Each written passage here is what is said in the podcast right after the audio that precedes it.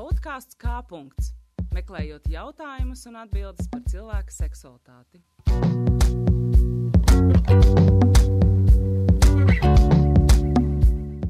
Meklē podkāstu kā punkts Spotify, Apple podkāstu, Podbeans, YouTube un RSU mājaslapā, kā arī seko RSU studentu mēdījām, Facebook un Instagram kontā. Esiet sveicināti!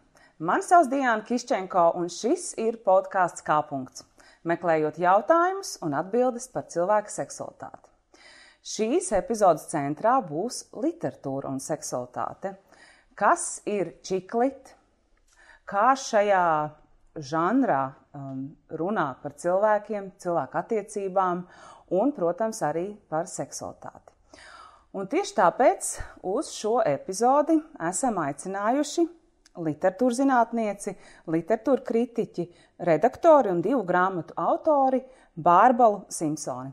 Es sveicināta! Sveiki! Droši vien, ka vajadzētu sākt ar to, kas ir čiklit. Kā mēs to latviski varētu atveidot? Nu, pirms sākt runāt par čiklit, uh, ir jārunā par to, kas ir sieviešu literatūra. Un te, protams, ir uzreiz jā, jāsāk ar atrunu vai ar disklaimeru, ka mākslīgi iedalīt literatūru sieviešu un vīriešu literatūrā nu, nav īsti nepareizi, ne arī iespējams. Jo, nu, ko mēs uzskatām par sieviešu literatūru, tur dāma romāns vai, vai arī, teiksim, erotiskais romāns, tas pats čiklit. Un vīrieši tad, laikam, sanāk, ka lasa trillerus, kriminālu žanru, bet, nu, patiesībā jau trillerus un kriminālu literatūru un, nu, kā lai pasaka, spriedzes romānus lasa tieši, tieši tāpat arī sievietes. Bet es domāju, ir tāds interesants moments, ka bērnībā, kad mēs augām, tās no mums, kam bija brāļi, mēs mīlējām varbūt ķiept viņu mašīnītes, skāpt kokos, spēlēt štābiņus, bet nebija nemaz tik daudz tādu zēnu, kas ķiept mūsu lēles. Un tā ziņā jāsaka, ka sievietē, laikam, tas skatu punkts ir plašāks un interesē arī šīs te, nu, vīriešu nodarbes, vīriešu literatūra, ja mēs tā varam teikt. Bet tas pretējais virziens, es teiktu, ka tik populārs nav. Es nevaru, protams, nosaukt nekādu aptauju datus. Bet man ir tāds priekšstats radies arī ilgstoši strādājot grāmatu izdevniecībā, ka vīrieši sieviešu literatūru to nosacīto nemaz tik daudz nelasa. Tātad, ja mēs runājam par sieviešu literatūru, tas ir tas ļoti plašs lauks. Jo ir tas, ko angļuiski sauc par women's fiction, kas būtu arī, piemēram, Noras Ikstenes mātes piens, mm -hmm. kas ir nopietna, kvalitatīva literatūra, kas diskutē par sievieti aktuālām problēmām. Un tad nāk tas nosacīti mazliet vieglākais gals, kas ir romantiskais romāns. Te arī ir problēma ar definīciju. Angli, angļu valodā romantiskais romāns ir romans. Nevaram mēs to tulkot burtiski, jo romāns latviešu valodā ir mūzikas termins. Un tad sanāk romantiskais romāns, un uh, romantisko romānu iedala vēl tālāk. Tad ir sievi, teiksim, nosacīts sieviešu, sieviešu detektīvs, tad ir romantiski erotiskais, romantiski vēsturiskais, un tad sanāk, nu kā var redzēt, grūti izrunājami termini. Un viens no šiem uh, romantiskā romāna paveidiem tad ir čiklit, kas ir samērā jauns, nu, varbūt žanrs, varbūt novirziens, nu, neiestrēgsim definīcijās. Uh, Čiklit, tātad, protams, no angļu valodas, čik slēnga apzīmējums jaunai sievietei, mūsu ekvivalents būtu, kādreiz teica zaķis, tagad saka varbūt beibe, nu, man pat grūti pateikt, kā to varētu atveidot, varbūt arī nemaz nevajag. -hmm. Jo ir tas starptautiskais termins čiklit. Tāpat kā, piemēram, fantāzijas žanru daudzās pasaules valstīs vienkārši tā arī sauc angļu valodas vārdā fantasy. Nu, kā to kādreiz izdomās precīzi atveidot, to ir grūti pateikt. Un čiklīt, ar ko tas atšķiras no tā, ko mēs varētu saprast ar sieviešu romānu? Jo sieviešu romāns jau nav nekas jauns. Sieviešu romānus tīri tehniski rakstīja jau Džēna Ostina pirms 200 gadiem. Bet čiklīts, eh, var teikt, izveidojās pirms gadiem, nu, 20, 30, ar tādu darbu, ko droši vien arī liela daļa skatītāju, klausītāju un mūsu zina. Uh, Brīdžits Džons dienas grāmata, brita autora Helēna Fieldinga, eh, atļāvās sarakstīt romānu par īstu sievieti. Nevis par ideālo sievieti, nevis par to, kas visu var, visu prot, ir perfekti skaista, nevainojami krāsota, tiek galā ar visu karjeru, bērniem, vīriešiem, visu iespējamo, bet par to, kāda sieviete reāli ir. Un, uh, Interesantā kārtā tieši Brīdžīs Džons dienas grāmata, pirmkārt, protams, pārdošanas rādītāji bija vienkārši neiespējami pat priekš Lielbritānijas, otrkārt to uh, izsludināja par Brit Lielbritānijas gada grāmatu. Es gan gadu tagad no galvas nepateikšu, bet bija tāds fakts. Nu, protams, mēs zinām, ka bija arī turpinājuma ekranizācijas un viss pārējais. Un kā jau jebkuram ļoti populāram darbam, uzreiz sekoja vesela rinda tādu, kas raksta līdzīgi. Nu, pēc Harry Pottera uzreiz viss sāk rakstīt par, par jauniem burvjiem, pēc krēslas viss sāk rakstīt par vampīriem. Nu, un, līdzīgi. un tā var teikt, tad dzīve šis žanrs, čiklit. Tas ir uh, vēstījums par jaunu sievieti lielpilsētā. Gan drīz vai jāsaka Sex and the City. Bet vai uh, es, es pirms raidījuma skatījos uh, definīcijas, vai šo žanru vienmēr veido sievietes? Par sievietēm? Uh, vismaz lielākajā daļā gadījumu no tiem darbiem, kas ir ieguvuši lielu popularitāti, es teiktu, nospiedošā vairākumā gadījumā autors ir sievietes. Vīrieši, protams, eh, parādās kā varoņi, bez vīriešiem īsti nevar, bet eh, cik tālu es varu spriest par eh, to žanru, kas ir populārs rietumu pasaulē, un arī to, kas vēl, var teikt, tikai sāk attīstīties Latvijā. Jā, tas ir, tas ir sievietes rakstīts darbs sievietei un par sievieti, bet tas nenozīmē, ka vietas to nevarat lasīt patiesībā. Es pat ļoti ieteiktu. jo, jo bieži vien... ko, ko viņš uzzinātu? Jo tas ir tas, ko es jau pieminēju, ka uh, bieži vien tas šis, šī žanra darba paver skatienu uz to īsto sievieti. Turklāt uh, angļu valodā ir vēl tāds apzīmējums every woman. Uh, vidusmēra sieviete. Tas nav nekas slikts, tas nav nekas nonievājošs, bet tas ir tāds nu, problēma aktualitāšu lokus, kas faktiski skar jebkuru sievieti. Katra, protams, ir individualitāte, katrai ir savas problēmas, savi sasniegumi, savi kritumi un kāpumi, Bet ir kaut kas, kas skar visus. Tāpat kā visiem cilvēkiem vairāk vai mazāk ir, nezinu, aknas nieras un, un, un divas acis. Un, un uh, arī šīs psiholoģiskās uh, nianses, virāžas, Kaut kas, par ko uh, liela daļa no šiem autoriem raksta, arī ar zinām humoru, ar zinām ironiju, drusku mazliet pasm pasmaidot. Nu, zinām, mēs vai, var teikt, ja šo te problēmu, ka nolauzts nakts var dienu sabojāt. Un neviens to nevar noliegt, ka tā ir. Protams, ka to nevar salīdzināt ar lielām būtiskām problēmām, bet uh, ir patīkami lasot, uzzināt, ka tu neesi tāda vienīgā. Mm -hmm. Absolut. Un vīrietim savukārt būtu varbūt vērtīgi izlasot, saprast, ka nu, varbūt arī viņa sieviete, māsa, draudzene vai vispār kolēģis darbā, nu, jeb, jebkuras sievietes, ar kurām viņš ir pazīstams. Nu, ir noteikti uzvedības modeļi, kas ir raksturīgi un kas varbūt netik ļoti skars viņa dzimumu. Mm. Kā ir, ir kāds varbūt piemērs uh, no Latvijas, kas uh, ierakstās šajā žanrā?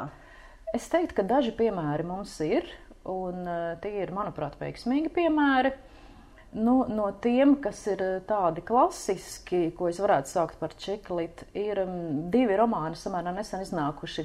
Viens, starp citu, tik, tikko svaigi izdots atkārtoti. Romāns ar nosaukumu Amazonas neraud. Eh, Pirmo reizi tas nāca klajā pirms apmēram desmit gadiem.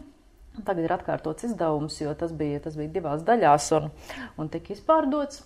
Un otrs romāns šai pašai autorei ar nosaukumu Savu komētu nedzird. Eh, ar autorību tur ir interesanti. Autore abām eh, parakstās kā Eleonora Troja, bet faktiski tas nav viens cilvēks. Tā ir divu autoru komanda. Tās ir žurnālistes Inga Gorbanova, kas savulaik strādāja žurnālā Ieva un tagad vada eh, žurnālu Imperfekt, un Dana Sinkēviča, kas savukārt tagad vada žurnālu Ieva. Un uh, abi šie žurnāli sevi pozicionē, nu atkal jāsaka, sieviešu žurnāli, kas gan ir sieviešu žurnāls, vai tas nozīmē, ka tas ir tikai sieviete? Nē. Bet es pieļauju, ka ilgadējā šai darbā ar, ar šeit, šeit konkrētos medijos viņas ir guvuši ļoti, ļoti plašu priekšstatu par to, kas ir sieviete, kas, kas, kas mūs interesē. Uh, Eh, arī tās eh, vispārējās problēmas, kuras es pieminēju. Un tad viņas tādā ļoti eh, dzirkstošā un asprātīgā veidā, jā, viņš ir izveidojis šo savu alter ego, kuras nav, kuras nav profesionāli žurnālisti, nē, nu viņas ir profesionāli žurnālisti, bet šis alter ego ir vairāk tāds, tāds mazliet draiskāks variants. Un abas kopā raksta šos romānus sievietei par sievieti un ļoti aizrautīgi. Un tie, šie abi romāni ir tādi klasiski, jo varbūt tā ir sakritība, es nezinu, viņas jau raksta nākamo romānu, kas tur būs, es vēl nezinu. Bet abos romānos ir pa trim galvenajām varonēm, kas ir ļoti labs pieejams, jo tas ļauj parādīt uzreiz trīs dažādas perspektīvas. Tātad varonis ir dažāda vecuma, jo šajos čiklitos Nu, es teicu, jauna sieviete lielpilsētā. Jaunības iedziens šajā gadījumā varēja no aptuveni 20 līdz aptuveni, es teiktu, 50 un vēl ilgāk, jo nu, kurš tad vispār var noteikt, kas ir jaunība, kad tā sākas un kad tā beidzas. Es drīzāk teiktu, tas mūsdienīgums ir tas, kas raksturo varoni. Bet, nu, piemēram, vienā šiem romāniem vienai varonē ir 20 ar astīti, vienā ir 30 ar astīti, un vienā ir 40 ar palielāku astīti. Un tas nozīmē, ka trīs dažādas perspektīvas, trīs dažādi problēmu kompleksi, un tas ļoti paplašina mērķa auditoriju. Jo jebkura tad varēs nu, gan retrospektīvi atskatīties uz, uz, uz, uz, uz, uz citiem vecuma posmiem, gan arī paskatīties, kādi, kādas, kādas ir aktualitātes, nu, tā teikt, ne, nu, ne tava vecuma cilvēkam, bet agrāk vai vēlāk jau mēs tur visi būsim. Mm. Pirms mēs ejam droši vien dziļāk uh, un analizējam uh, čiklitu un vispār dāmu literatūru par to, kādas tad ir šīs sievietes, kāda, kādas ir viņu attiecības, viņu seksualitāte. Uh, varbūt tu varētu nedaudz ieskatīt, kā tu vispār nonāci līdz, uh, līdz šai tēmai, līdz, uh, jā, līdz čiklitu un, un ko tu esi jau varbūt paveikusi pētniecības laukā. Nu, ārzemēs šis žanrs tiek pētīts jau, protams, ilgstoši. Uh, mana pētniecība ilgus gadus saistās ar žānru literatūru. Un eh, primāri tā bija fantāzijas literatūra, mazliet vēlāk eh, šausmu literatūra, kam ir veltīta man otra grāmata. Un mazdrusciņi es pievērsos arī zinātniskajai fantastikai, bet nu, tas, ir, tas ir dabas, kas pagaidām soks lēni. Bet tad man interesē žanri kā tāda. Nu, žanru taču ir daudz. Teiksim, ir detektīvs, kurā, kurā šajā lauciņā Latvijā jau tiek veikti pētījumi. Un, Man ir draudzene un kolēģi, kas e, strādāja, tieši izstrādāja zinātnisko darbu par romantisko romānu. Un par to mēs daudz apspriedāmies. Un arī šis te mm, čiklit ietilpa šajā, šajā pētniecībā. Es klausījos arī referātus. Un man tas interesēja vairāk, nu, kā paskatoties uz to no, nu, gan no praktiskā viedokļa, teiksim, kādi mums jau ir šie romāni. Uh, Jo mm, mani kolēģi vairāk interesējās par sieviešu romānu, kāds tas bija pirms kara gados. Nu, pēc kara, protams, citas aktualitātes bija. Tad bija sievietes kombainieres un, un, un slaucēju sasniegumi. Un, un tas mūsdienu sieviešu romāns, es domāju, ka nu, šobrīd Latvijā nav tik, tik plaši izvērsta pētniecība, lai šai lauciņā nebūtu vieta vairākiem virzieniem.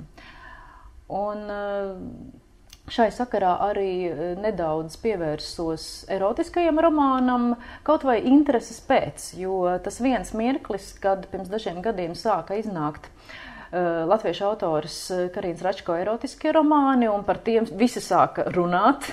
Un tad es teicu, ka Markam Tvenam bija tas teiciens, klasika ir kaut kas tāds, ko Visi gribētu būt izlasījuši, bet neviens negrib lasīt. Savukārt, erotiskais romāns ir kaut kas tāds, ko visi saka, viņi nav lasījuši, bet visi ļoti labi zina, kas tur ir. un, protams, šī popularitāte tas jau bija sava veida, nu, es varu teikt, pat, pat sociāli, socioloģisks fenomens, ka lasīja pat tie, kas nelasīja neko.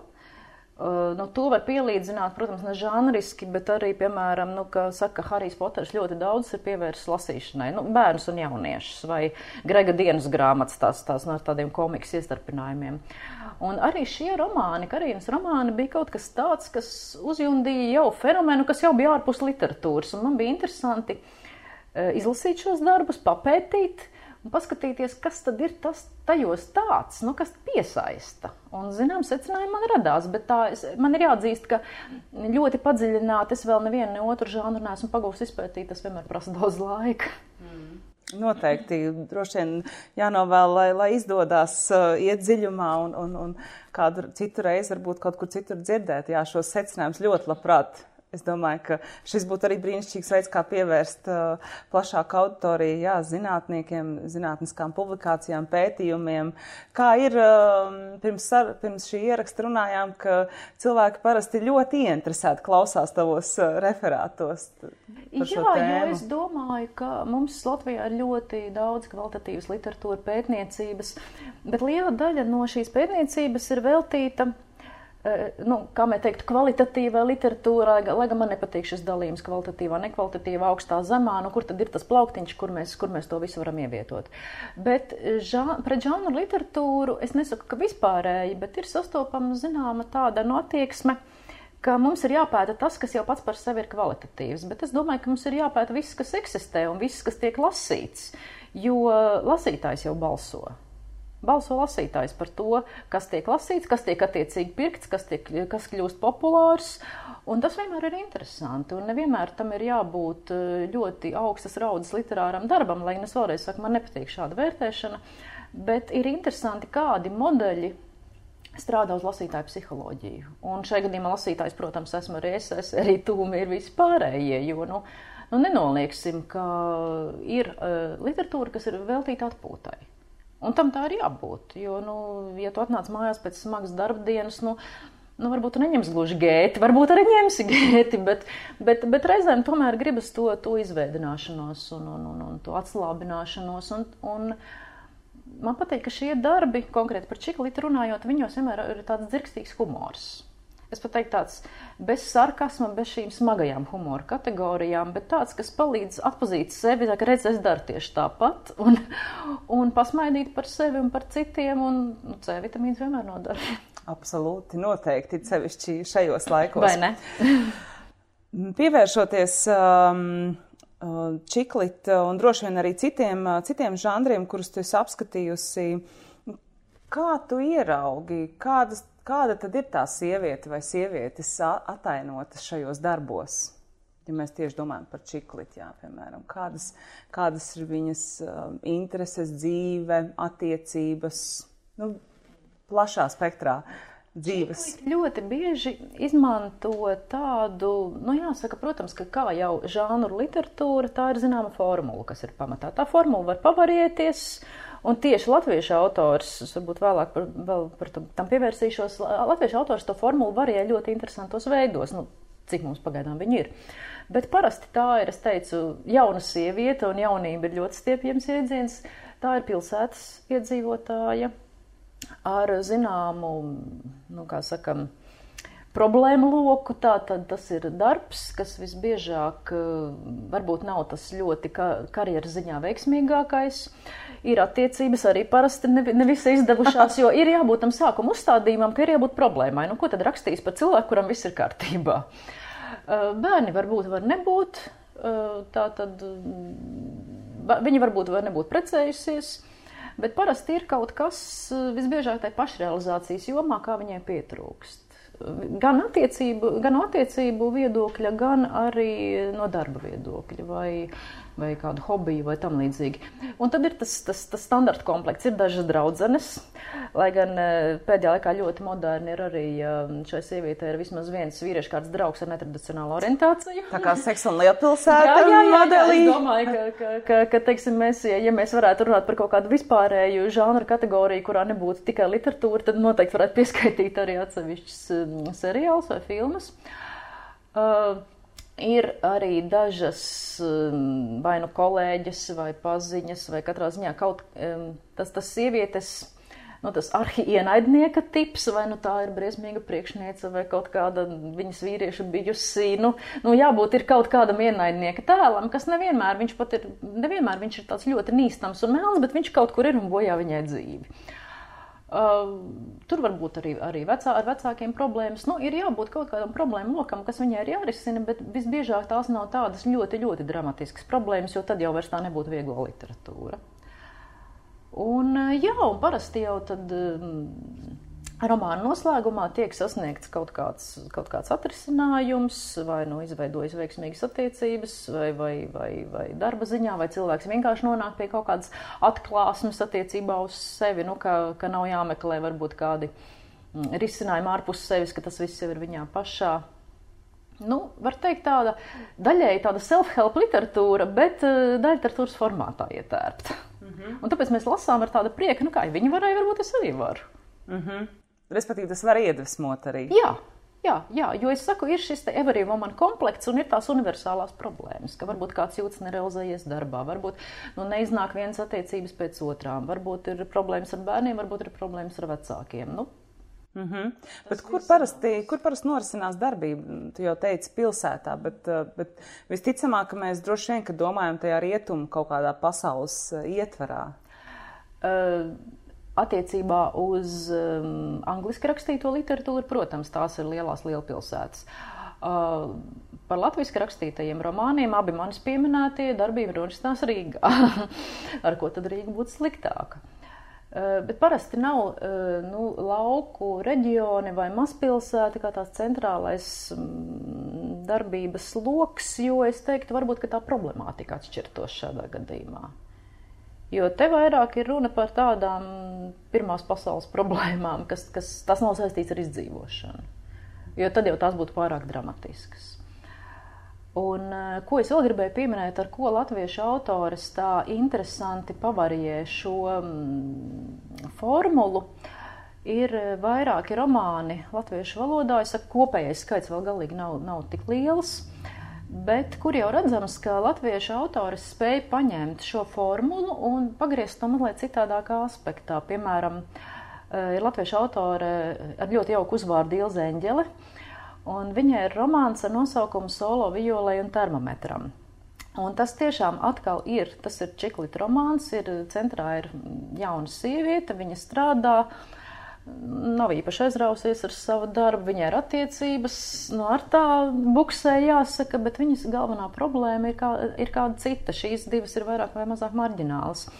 Viņai piemīt tāda lieta, ko sauc par hipohondriju, jo viņa faktiski nemitīgi uh, meklē un atrod sevī visus iespējamos slimības simptomus. Viņa pavada laiku internetu fórumos, lasot par to, kas vēl viņai varētu kaitēt, e, nemitīgi apmeklē ārstus, e, pērk medikamentus un vienkārši jau psiholoģiski novada sevi tādā stāvoklī, ka viņa patiešām ir slima. Slima no domām par slimošanu.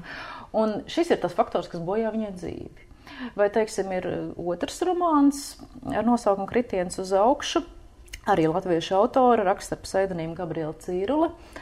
Un, uh, tur savukārt arī ir jauna sieviete, kurai pat varētu teikt, ka pat viss ir. Viņai ir, ir labs vīrs, kurš savukārt nodrošina viņai eksistenci bez rūpēm, viņai pat strādāt nevajag. Viņa cīnās ar lieko svaru. Un ar lieko svaru no tādā, tādā, tādā izteiktā problemātikā un ar, var teikt, atkarību no ēdiena. Uh, Un viss romāns ir stāsts par to, par to viņas ceļu uz to, ka, ka viņai ir jāsaprot, ka ēdiens nav izēja no viņas tās iekšējās bezcerības, jo tas novedīs tikai pie ļoti lielām veselības problēmām. Bet tas arī ir pasniegts ar tādu kā humoru, pašironiju un, un var teikt, no ļoti lielam sieviešu skaitam pazīstamu šo pieeju lietām, ka, no, Dievs, es visu dienu tagad ēdīšu tikai salātus, un vakarā tas leduskapis kļūst tik vilinošs, tik vilinošs, un, un kāpēc man vēl vajadzēja to trešo kūciņu, es tas vispār nesaprotu. Mm. Un redz, redz arī tu pasmējies, un patiesībā ļoti, ļoti zināmas lietas, jā. jā. Droši vien, ka ļoti daudz sievietes, nu arī vīrieši varētu vien, sasaistīt jā. sevi ar šo visu. Bet... Jā, jā, tā identifikācija, tas ir ļoti svarīgi, lai, lai mēs varētu atpūsties to lasot. Mums ir kaut kas no sevis jāsaskata tai varonē. Mm -hmm. Jo, pirm, pirmkārt, viņa būs ideāla un perfekta. Pirmkārt, neviens no mums viņai neticēs. Otrakārt, es domāju, es taču zinu, ka es neesmu ideāla un perfekta. Tā tad tā neesmu mēs, tāpēc kāpēc man par viņu vispār jālasa? Mm. Bet vai es visu laiku domāju par tām, par tām balsīm, par tiem tēliem, kas, kas ienāk šajos darbos, un ka, jā, ka tur tomēr ir centrā visticamāk heteroseksuāla sieviete, baltādaina, dzīvojoša rietumu pasaulē ar kaut kādu vidējiem ienākumiem, ar, ar kaut kādām iespējām dzīvē, un, bet vai tiešām tur nekad neienāk kaut kas cits, uh, homoseksuāls attiecības, nu labi, ir draugs gejs, uh, uh, bet jā, tieši tā, vai tiešām čiklit vienmēr ir tas radies un tas vienmēr grozās tikai ap šiem, tā kā tu saki, pirmās pasaules uh, modeli un problēmām? Man ir grūti pateikt, es neesmu saskārusies ar darbiem, kuros būtu tik plaši iztirzāts tas tevis pieminētais nu, alternatīvais modelis. Es pieņemu, ka ja vēl tādu darbu varbūt nav tik daudz, tad noteikti kāda atsevišķi ir un varbūt ar laiku šis te, mm, nu, sievietes tas mm, tēla robežas paplašināsies, jo uh, mums arvien plašāks kļūst jēdzie, normalitātes jēdziens, tas, ko mēs uzskatām par normālu. Uh, es varbūt nevaru nosaukt vai šobrīd iedomāties darbus, kuros uh, varbūt galvenā, galvenais personāžs būtu ar, ar citu veidu orientāciju, bet savukārt es zinu vismaz vienu vai vairākus darbus, kuros centrā ir problēma, kas arī tiek ļoti lielā mērā tabuēta gan mūsu, gan rietumu sabiedrībā. Tas ir, teiksim, sievietes apzināti izvēle nelaist pasaulē bērnus, kas bieži vien tiek pat vairāk stigmatizēta nekā alternatīva seksuāla orientācija. Ka sieviete var būt laulībā, viņa var būt uh, ar normāliem ienākumiem, un viņa uh, kopā ar savu dzīves biedru var vienkārši izlemt, ka, viņi, ka viņam nebūs bērnu. Un ka tā ir apzināta izvēle un ka tā ir valīda izvēle mm -hmm. cienījama izvēle. Mm -hmm. Un, un es domāju, līdz, līdz šāda dzīves stila pieņemšanai arī varbūt ir jānonāk ar laiku. Mm. Es tā domāju arī par to, ka, tā kā tu teici sākumā, ka centrā ir jauna sieviete, skatoties tā plaši uz šo jēdzienu un dzīvojoši pilsētā, uh, ka tas jau droši vien arī kaut kādā lielā mērā ir saistīts ar vispārējiem globāliem procesiem, kā vispār pasaule virzās un notiek jau pēdējās cik jau desmit gadus eh, šī virzība uz pilsētām un pilsētās koncentrējās. Jā. Lielākā daļa pasaules iedzīvotāju un tur viņi dzīvo un vada savu dzīvi un, un protams, ka šis elements noteikti ir kaut kas, kas mūs, eh, ar, kuri, ar kuru mēs identificējamies. Protams, un te vēl ir arī tas, ka, piemēram, eh, rietumu pasaulē topošajos romānos arī arī eh, kāda citādas krāsa nav pilnīgi nekas neparasts. Eh, bieži vien pat ir tā, ka izlasot romānu līdz, līdz otrajai pusē, tad tikai sāc saprast, ka faktiski varbūt tā, tā, varbūt, varbūt tā varone nemaz nav baltā, bet tam nav liels nozīmes, jo uz to jau, protams, lielā daļā sabiedrības skatās kā uz kaut ko pilnīgi normālu. Eh, Latvijā tas pagaidām nav varbūt tik, tik ierasts nu, mūsu ikdienā, tāpēc varbūt arī šādi šādi, mm, šādi modeļi pagaidām, nu, vismaz manas lasītajos romānos, nav sastopami. E, tā pašā laikā mums ir iespējami citi varianti. Mums ir iespējami, teiksim, ka ir, ir e, jauktas laulības, e, dažādas tautības, kur mums netrūkst. Un, un tas varbūt kalpo arī kā, kā līdzvērtīgs modelis tevis pieminētajam. Mm. Sapratu, es gribēju vēl pajautāt, pirms mēs ejam tālāk pie tās seksualitātes tēmas, kāpēc pseidonīmi? Vairākas autores izmanto pseidonīmus. Interesants jautājums, jā. Attiecībā uz to pēdējo romānu, ko es minēju, tā bija vienkārši autors vēlme. Jo romāns rakstīts pirmajā personā, viņa teica, tā neesmu es, un es negribu, lai mani identificē ar šo, ar šo personāžu. Lai cilvēki nedomā, ka es rakstu par sevi. Un varbūt ne tik daudz no viņas pašas viedokļa, cik no tā viedokļa, ka teiksim, tas var skart viņas ģimeni. Jo nu, Latvija ir salīdzinoši neliela. Eh, lasošie, rakstošie bieži vien eh, tāpat nu, notiek dažādas intervijas un tam līdzīgi. Un, un reizēm ir tā vēlme identificēt to, to rakstnieku ar to viņa personāžu. Tīpaši tad, ja viņš ir rakstījis par savu dzimumu, savu vecumu cilvēku un vēl pirmajā personā. Bet Eleonora Troja, kas, kā mēs zinām, ir, ir, ir divu autoru tandēms, viņas sākumā apzināti šo identitāti slēpa Bet ne tāpēc, ka viņām būtu kauns, bet viņas teica, tas mums deva brīvību. Un, un, un e, tā bija zināma intriga, jo sākumā šo pirmo romānu Amazonas neraudu publicēja žurnāls Ieva turpinājumos, un visiem bija ļoti interesanti, nu, kas ir tā noslēpumainā troja, kas ir viņa, viņa visu zina. Bet, protams, tas nebija nekāds principi jautājums, un mazliet vēlāk jau, kā saka, kaķis bija ārā no maisa. Un tagad man šķiet ir pat interesanti, jo šis pseidonīms tiek saglabāts. Nu, nevienam nav noslēpums vairs, kas aiz tā stāv. Eh, bet vēl ir interesanti arī tas, ka pseidonīms šeit apvieno divus cilvēkus. Uh, kas arī, es domāju, nu, rakstīt divi tā vienmēr ir nu, gan noteikti aizraujošāk, gan varbūt mazliet komplicētāk nekā rakstīt vienam. Mm. Un tas pseidonīms ir varbūt arī veids, kā nu, uz vāka neparādīties pārāk gariem autoru vārdiem. Nu, tas arī ir tīri tāds, tāds praktisks dabas jautājums. Mm. Vai tev ir zināms, kā viņas izvēlējās? Šo pseidonīmu? Godīgi sakot, nē. Bet, bet es domāju, ka tas ir labs jautājums, un es to viņām varētu pajautāt. Jā. Jo tas, kā rakstnieki izvēlas pseidonīmu, no izdevniecībā strādājot, es arī ar šo jautājumu saskaros, kad reizēm ir tā, ka es saku, nu, ir vajadzīgs pseidonīms, tas ir bez variantiem. Un, un reizēm es esmu secinājis, ka rakstniekam ir vieglāk uzrakstīt to darbu, nekā izdomāt to pseidonīmu beigās, lai tas būtu nu, tāds gan prātā paliekošs, gan, gan nesarežģīts, gan nesamākslots. Mm. No tā. Tas katrā ziņā šķiet ļoti interesanti un saudabīgi, ņemot vērā, ka ir ļoti daudz dažādi mākslas žanri, kur cilvēki rada um, izrādes filmas. Uh, un, un kur varbūt mēs nevienmēr tā mēģinām sasiet to autoru vai autoru ar to, to ko viņš ir radījis. Bet, uh, ka interesanti, ka tu uzsver, ka literatūrā iespējams lasītājs mēģinās identificēt, sasiet kopā šo, šo aprakstīto. Tā ir, jo, jo tā vārda māksla, viņa kaut kādā veidā liek lasītājam, varbūt pat neapzināti, ne tikai meklēt tur autoru, bet vispār meklēt prototipus. Un, un tas sākās jau ar pirmo latviešu romānu Mērnieku laiki, kur brāļa kaudzītes pēc tam esot saņēmuši virkni ar vēstulēm ar no sašutušiem novadniekiem, kas rakstījuši, ka viņi tak tie nav, un ko viņi vispār no slavenā vēstules neiršu augstumu. un, un, un, un tas vien, ka cilvēks sevi vai kādu sev pazīstam tur saskata, tas jau vien norāda uz to rakstītāju meistarību.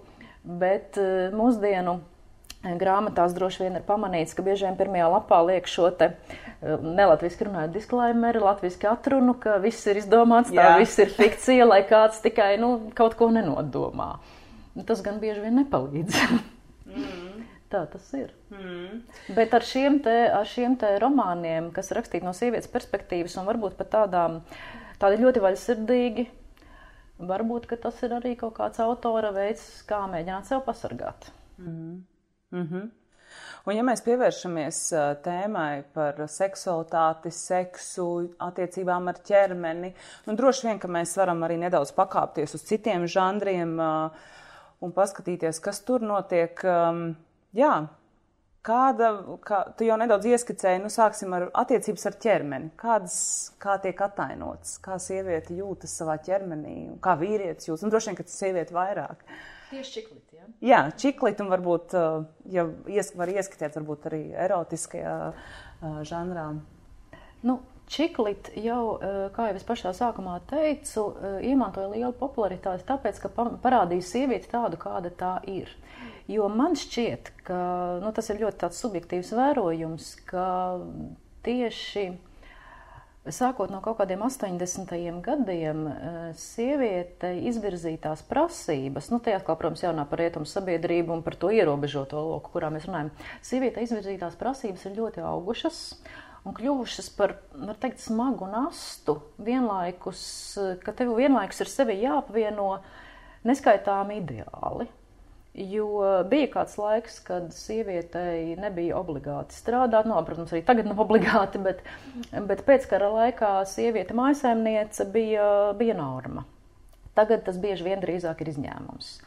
Tā tad no sievietes tiek prasīta šī spožā karjera, tad ir, tiek prasīti zināmi ārienes standarti. Un te mēs nonākam pie attiecībām ar savu, savu ķermeni. Jo pēckara laikā arī strauji uzplauka un tieši pēdējās 20. gadsimta desmitgadēs. Uh, prese, masu mēdīji, krāsaini žurnāli, sieviešu žurnāli, reklāmas industrija. Uh, un, ja pirms kara, uh, varbūt, ka, nu, pieņemsim, iedomājamies, filmās mēs vērojām, nezinu, Grētu Garbo vai kā tādas neaizsniedzamas ideālus, tad šķiet, ka vēlāk šie vizuāli ideāli jau sā, tos jau sāk prasīt no jebkuras sievietes.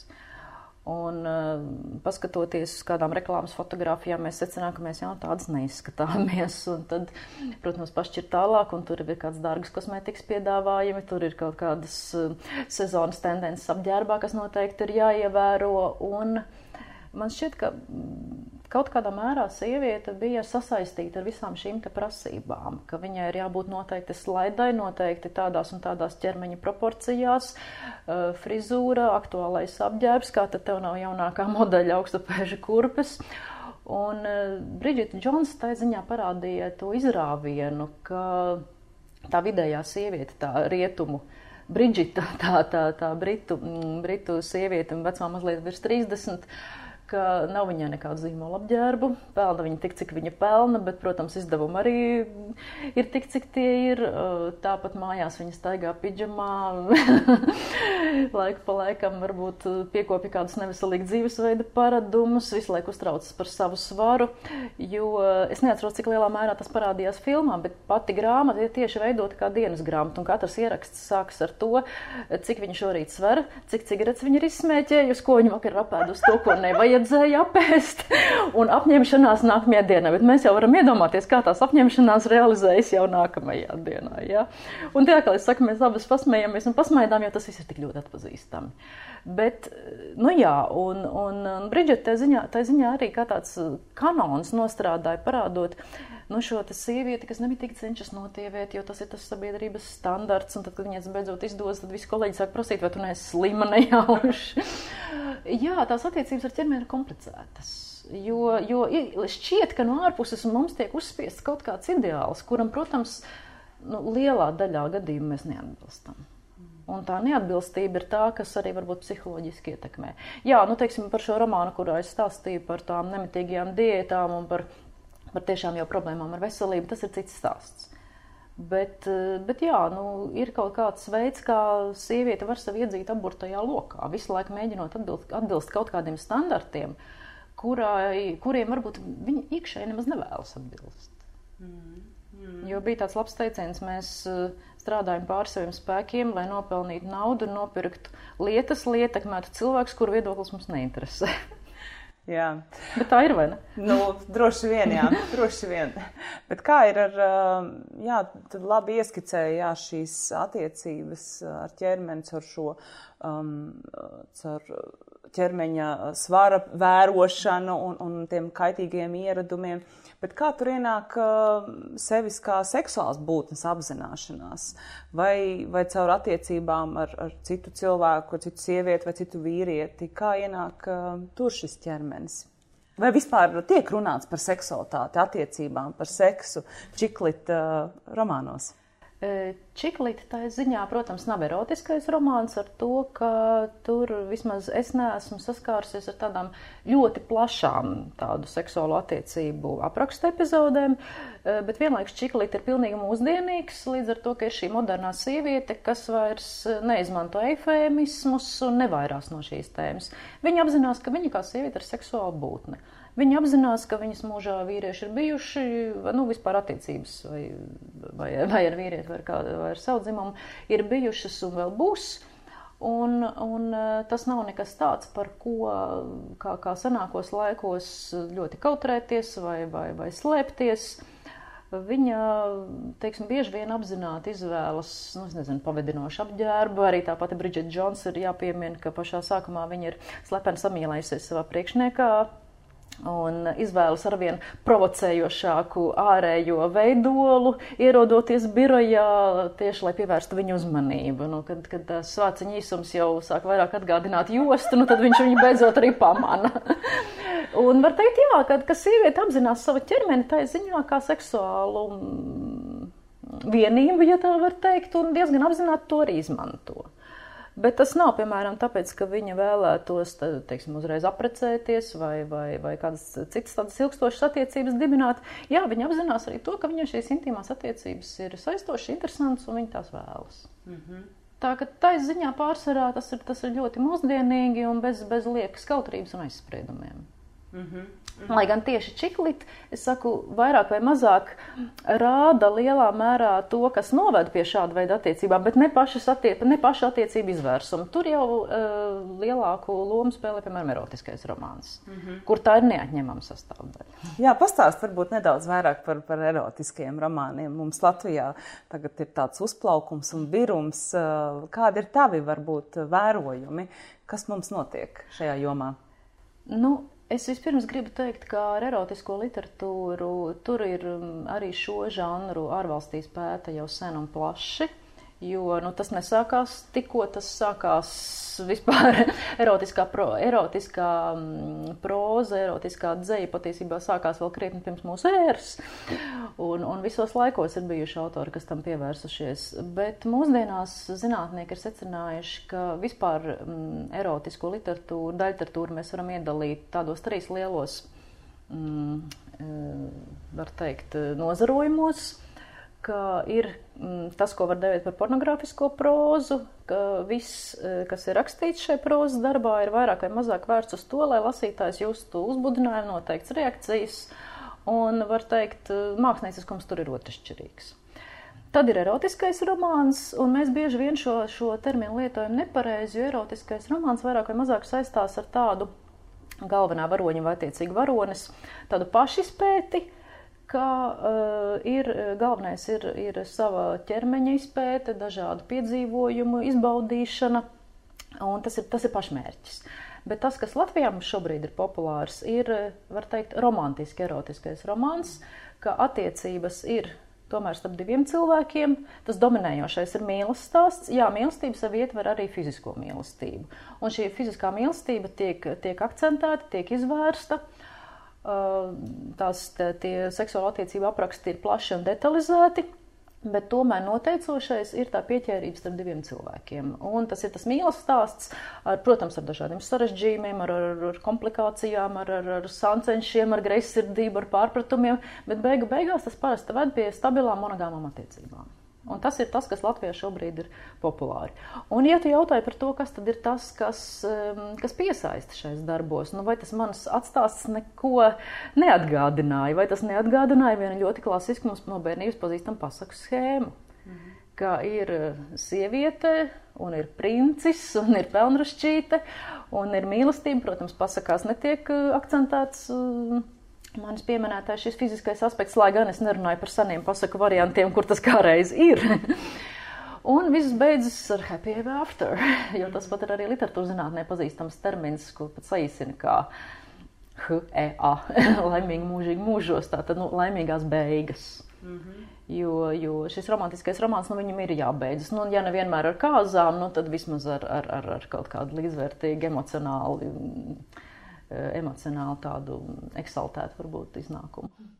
Ļoti interesanti tas, ko tu stāstīji, respektīvi, ka tur savijās kopā šis, eh, šis priekšstats par romantiku, ka tai ir jābūt, tad noteikti ir šī erotika, šis ķermeniskais, šis seksuālais, kas arvien vairāk un vairāk ienāk, un tad tomēr tas viss aizved uz monogāmiju. Uh, nu, tas kaut kādā veidā droši vien arī reprezentē to laiku, kurā mēs dzīvojam, kā mēs vispār domājam par attiecībām.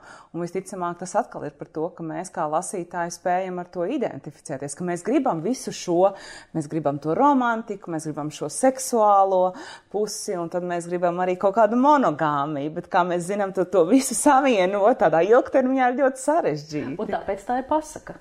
Tāpēc eh, šie romāni lielā mērā balstās uz tādas aptuvenas pasakas iekšējās schēmas, eh, kad sākumā ir, ir, ir divi atsevišķi cilvēki, kas, kas cieši vai katrā ziņā nejūtas piepildīti, un tad caur dažādiem gan uh, gan šiem seksualitātes aspektiem, gan caur dažādu kopīgu problēmu pārvarēšanu, tad beidzot viņi sasniedz šo te, nu, ekstātisko savienošanos. Un, jā, un, un, un nu, kāpēc, kāpēc visas pasakas nē, bet nu, ne, ne visas, bet daudz beidz ar kāzām.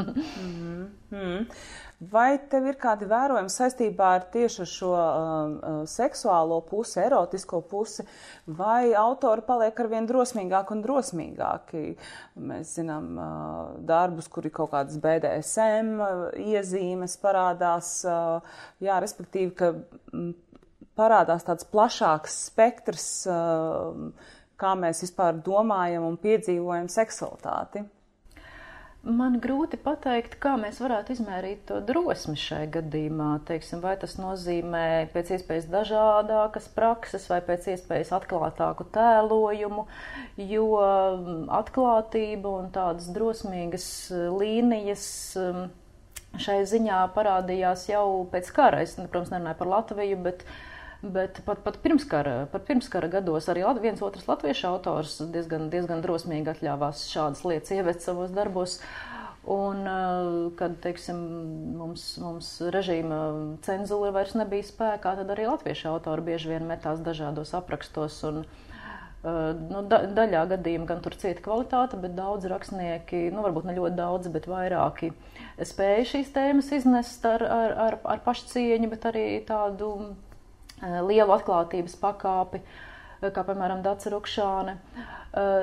Runājot par šo romantisku erotisko romānu, man ir grūti pateikt, vai tas ir tik ļoti drosmīgs, vairāk teiksim, šie detalizētie apraksti. Mm, Es domāju, viņi ļoti lielā mērā rāda tieši sievietes izjūtas, sievietes viedokli.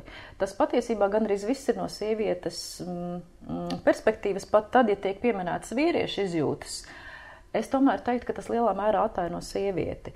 Un tas, ka sieviete spēja pilnīgi atklāti deklarēt savu seksualitāti, turklāt nu, tik, tik, tik, tik plaši un tik sīki, uh, bez eh, kautrīgiem plīvuriem un efemismiem, tas varbūt tiešām ir saucams par drosmīgu.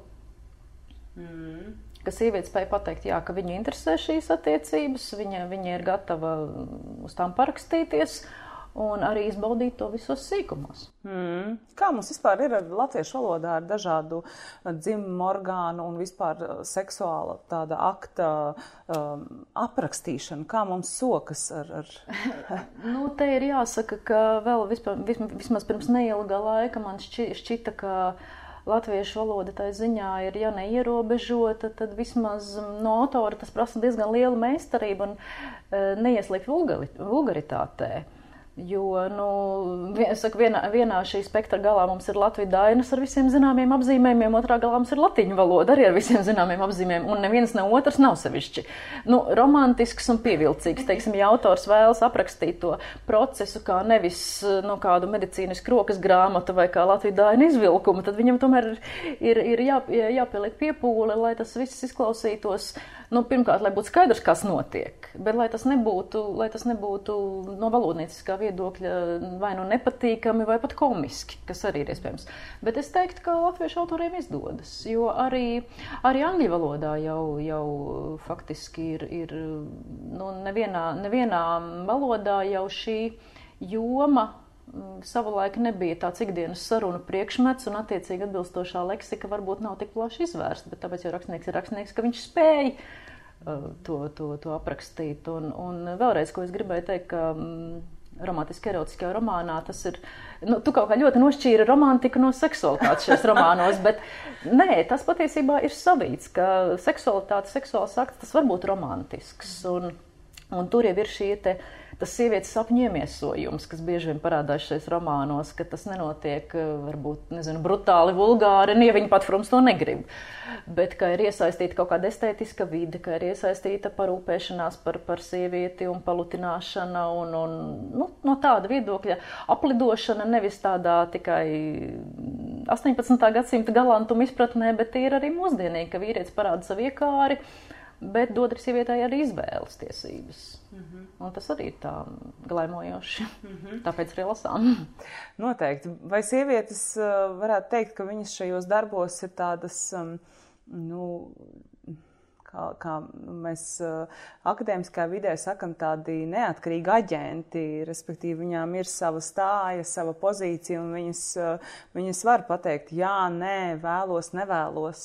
Jā, jā, es teiktu, ka tieši tas ir ļoti labs formulējums, un tieši tā ir tā mūsdienīgā sieviete, kas ir gan erotiskajā romānā, gan čiklitā, ka viņa vai nu apzinās savas vēlmes un vajadzības, vai ceļā uz to apzināšanos, bet katrā ziņā viņa nemēģina vairs noslēgties tai, tai burbulī, kurā varbūt no agrāka laika sieviete sabiedrības aizsprieduma dēļ bija, bija ieslodzīta. Un tieši tāpēc arī ir šis te atklātums. Uh, nu, vienalga, vai tas ir, tas ir seksualitātes aprakstu ziņā, vai, teiksim, čiklīta gadījumā tādu, tādu neglaimojošāku aspektu aprakstu ziņā. Uh, Jā, es teiktu, ka tā arī ir, un, un tāpēc šie romāni ir populāri, jo mm, šie sieviešu tēli ir arī kaut kādā mērā, nu, varbūt paraugs, uz kuru tiekties. Kā tāds domu, mod, domāšanas modelis, ko, nu, ja nevienmēr ņemt par paraugu pozitīvā nozīmē, reizēm arī negatīvā nozīmē, bet tomēr, jā, nu, kā tāds eh, literāra atļauja arī mums kaut ko varbūt pamainīt domāšanā, mm ja tas nepieciešams dabiski. Mm. Vai ir kaut kas, par ko šajos darbos nerunā? Ir kaut kādas vēl joprojām tabū tēmas, kuras pastāv kaut kāda aizspriedumi, un, un tas neienāk darbos. Nu, ļoti grūti ir šobrīd pateikt, par ko nerunā, ja par to nerunā. Un, turklāt es domāju, ka žanri visu laiku attīstās, tie tēma loki paplašinās. Uh, Eh, daudzas tēmas, kā jau es minēju par to pašu child freedom, ka varbūt kādreiz absolūti nebija pieļaujams par to runāt, ja tagad jau par to sāk runāt, tad es domāju, ka ļoti daudz kas ir tikai laika jautājums. Mm -hmm. Mm -hmm. Jo vienkārši droši vien, ka var jau, tā kā tu minēji, ar šo um, child free um, bezbērnotību, bezbērnotības praksēm, ka iespējams jau mēs varam ieraudzīt tās tendences un tos eh, tabū, kuriem mēs, pār, kuriem mēs pārkāpsim pāri arī, arī literatūrā noteikti. Jā, un tieši tāpat es domāju, arī vienzimuma attiecības, eh, ja šobrīd eh, tās vairāk ir sastopamas. Mm, nu, kā alternatīva orientācija parasti ir kāda otrā plāņa, plāna varoņos redzama, tad es pilnīgi pieļauju, ka ārzemēs jau ir darbi, kuros šīs attiecība modelis ir centrā. Uh, tieši šo žānu romānos. Un, un gan ar laiku tas būs arī pie mums. Mm. Tā ka, nu, jebkura tabū pārkāpšana, es domāju, ka ir laika jautājums. Mm. Kā vispār ir ar pārdošanas uh, rādītājiem šāda, šī žanra? Uh, darbiem, gan čiklitam, gan erotiskiem. No ar erotisko romānu es, protams, domāju, ka visi zina, ka šie pārdošanas rādītāji nu, tur sit pušu, pušu visus rekordus. Uh, Jo tieši tas bija tas, kas lasīt sāka pat tie, kas nelasīja neko. Jo droši vien tad bija, bet nu kas tad tur tāds ir? Nu, man tā kā ir jāizlasa. Jā, jā, jo, jo, jo un, un arī, arī principā žanru romāni visur pasaulē ir populāri. Tāpat kā Latvijā varbūt ir uh, sava veida aizspriedumi ir pret fantāzijas žanru vēl joprojām un pret šausmu žanru. Bet, piemēram, detektīvi ir bijuši populāri vienmēr, piedzīvojuma romāns ir bijis populārs vienmēr. Un es domāju, arī dāma romāns vai arī šis tāds čiklīta atzarojums nevar sūdzēties par popularitātes trūkumu. Noteikti. Jo ļoti efektīva reklāma ir tā, kas tiek nodota no mutes mutē, ka kāds izlasa un pastāsta kādam, un tad jau, tad jau, tad jau tas aiziet pa ķēdīti. Tā nevienmēr ir oficiālā reklāma. Es teiktu, ka daudz efektīvāk ir tieši neoficiālā. Mm. Jo sievietes jau par to tomēr runā savā mm. starpā. To es zinu arī no savas personīgās pieredzes, jo zinu, ka reģiona bibliotekās bija rindas diezgan garas uz uh, Račko darbiem. Un, un tas, tas vien liecināja, ja, un, un, un cilvēki, ja, piemēram, atbrauc kāds dzēnieks uz reģionu, uz, uz, uz kādu sarunu ar lasītājiem, tad, nu, uz Račko tikšanās reizēm cilvēki nāca, un viņiem tiešām bija ļoti interesanti uzzināt, jā. Ja. Jā, un, un, un, un arī, esmu, arī esmu dzirdējuši šos stāstus par to, ka, jā, protams, ir, ir arī cilvēki, kas ļoti iebilst pret šādu veidu literatūru, bet tā pašā laikā es domāju, nu neviens taču neliek to lasīt ar varu, ja, ja, ja nevēlas to nedarīt. Bet, bet ir, ir nu, šie stāsti, kas arī man paši aizkustināja viens stāsts, ko, ko dzirdēju no autors, ka pēc vienas šādas tikšanās viņai ir pienākusi klāt kundze nu jau var teikt, varbūt mūsu māmu vecumā, un teiks, ka viņa pirmo reizi dzīvē ir atļausies sev nopirkt šī romāna iespējā skaistu mežģīņa apakšveļu. Pirmo reizi dzīvē viņai vienmēr licies, ka nu, tas nav viņai un vispār, nu, kāpēc, bet domā, nu, es taču esmu sieviete. Mm. Un e, kaut viens šāds gadījums, es domāju, nozīmē, ka šo romānu bija vērts rakstīt. Mm. Bet, eh, ja mēs iemetam nedaudz darbu visā šajā, šajā stāstā, kas ir tā ierastā kritika, kas tiek vērsta pret šiem darbiem? Nu, Bieži vien tiek vērsta kritika, tā nav literatūra, tas, nav, tas, tas ir kaut kas, kaut kas zemes kategorijas, tas um, apraksta um, kaut kādus zem, zemākos instinktus. Uh, Uh, nu, tur drīzāk ja ir jājautā tiem cilvēkiem, kas ar šo kritizēšanu nodarbojas, jo es pati uzskatu, ka jebkuram žanram ir tiesības pastāvēt. Savukārt, jebkuram lasītājam ir tiesības izvēlēties, ko viņš vēlas lasīt. Jo nu, nu, Karīnas Račko romāna vai Čiklita vai fantāzija nekur nav skolu obligātajā programmā. Tas nenozīmē, ka, tas ir, ka tā ir ieteicamā literatūra. Mēs taču izvēlamies. Un, uh, līdz ar to es domāju, ka katram romānam ir savs lasītājs, un jebkuram žanram ir tiesības pastāvēt. Mm. Un tieši tāpat man nepatīk klasifikācija. Tā ir augsta, tā ir zema, tā ir kvalitatīva, tā ir nekvalitatīva.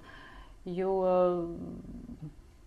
Tā bija gan krievu detektīva romāna rakstniece Aleksandra Mariņina, kas teica, viņa gan citēja Volandu no meistara Margaritas un teica, ka tā kā storei nevar būt divu veidu svaiguma pakāpes, tā literatūrai nevar būt divu veidu klasifikācijas. Pirmā, pirmā šķiras literatūra, otrā šķiras literatūra un vēl kaut kāda literatūra. Vai nu tā ir literatūra vai nav. Vai nu stora ir vai, vai svaiga vai nav. Mm. Un tam es piekrītu, jo es domāju, ka mums taču ir izvēles tiesības. Mm.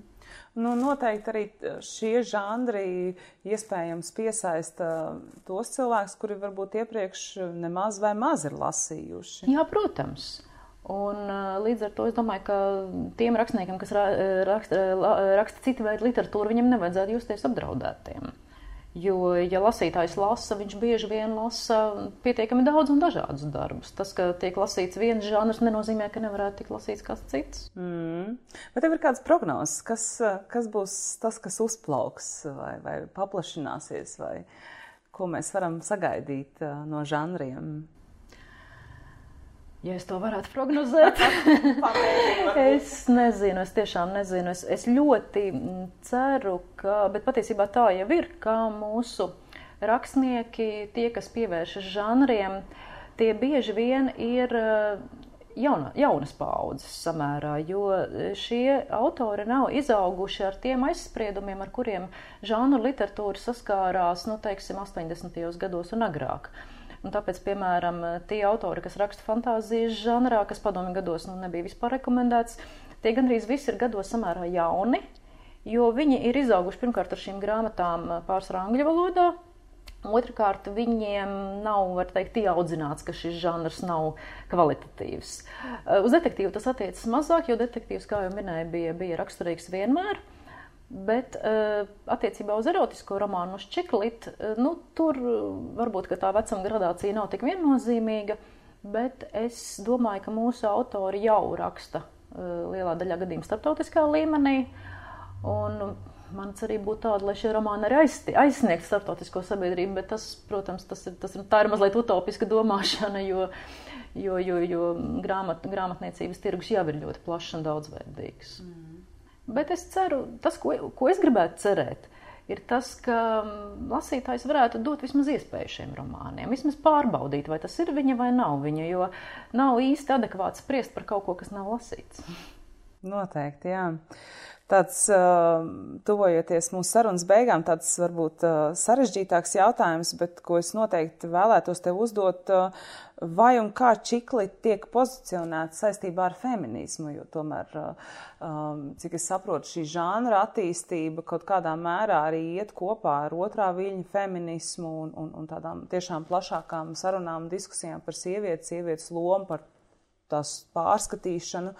Un, un, un noteikti arī tas, ka tās ir lielākoties visticamāk sievietes, kas raksta par citām sievietēm un, un, un, un parāda, kā tu saki, šo īsto, parasto ikdienas normālo sievieti. Jā, kā tu skaties uz šo jautājumu? Jo tur varētu droši vien pārmest, eh, feministi droši vien varētu kritiski teikt, bet, ziniet, nu tur rietumnieciskas, jā, sievietes dzīvojuši rietumos, heteroseksuāls baltādainas, un kur tad ir? Nu jā, jā. nu jā. Nē, es domāju, ka vispār šis ir vēl pagaidām atvērts lauks, vismaz latviešu literatūra pētniecībā. Jo, lai gan femini, feminisma un dzimtas studijas mums ir, tā skaitā literārā kontekstā, plašas un kvalitatīvas, es domāju, ka tie ir žanru literatūras saistībā. Tās vēl nav nu, tā tādos, tādos plašākos pētījumos skartas. Varbūt, ka, varbūt ka tā arī būtu cerība uz nākotni, ka, ka par šo tiks runāts. Jo es pilnībā varu iedomāties to kritiku, kas varētu tikt vērsta pret čiklītu, un jo īpaši pret erotisko romānu, kur, kur arī, to es esmu arī dzirdējis izvirzām, bet vairāk tādās kuluāru sarunās, jā, ka sieviete tiek traktēta kā priekšmets. Uh, Bet uh, tas nav uh, vismaz latviešu erotiskās literatūras gadījums. Patiesībā sakot, kā jau es minēju, tā bieži vien ir, ir sieviete, kas vēlas, izvēlas un, un pati piešķir savām rīcībām kādu jēgu.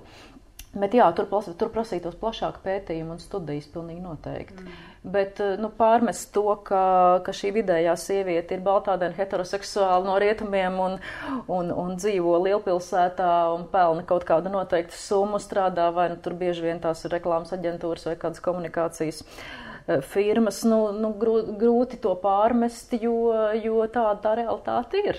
Un, un rakstnieks jau raksta to, ko viņš redz. Mm. Mm. Noteikti. Vai ir vēl kaut kas tāds, ko varbūt es nepajautāju saistībā ar čiklītu? Un, un, un... Protams, ka es domāju, ka tur saruna mums, mums vēl varētu turpināties ilgi un būt tikpat interesanta.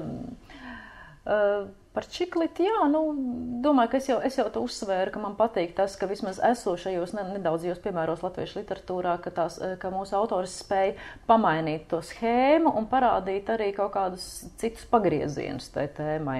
Bet nu, es ļoti ceru, ka ar laiku šo romānu skaits augs un mums būs pamats runāt jau, jau plašākā mērogā par dažādām tendencēm. Mm. Vēlos, vēlos tev teikt lielu paldies par šo sarunu. Paldies, ka ievedi mani un arī klausītājus, skatītājus literatūras pasaulē, čiklit un, un, romantiskajā. Er, er, romantiski, erotiskajā, tā precīzi. Romantiski, erotiskais, erotiski, romantiskais, romantiskajā jā, pasaulē. Un, Paldies tev, un lai, lai izdodas, cik es saprotu, arī turpmākā pētniecība žanru, žanru literatūrā. Paldies, es ļoti ceru, ka tā būs. Jā. Paldies!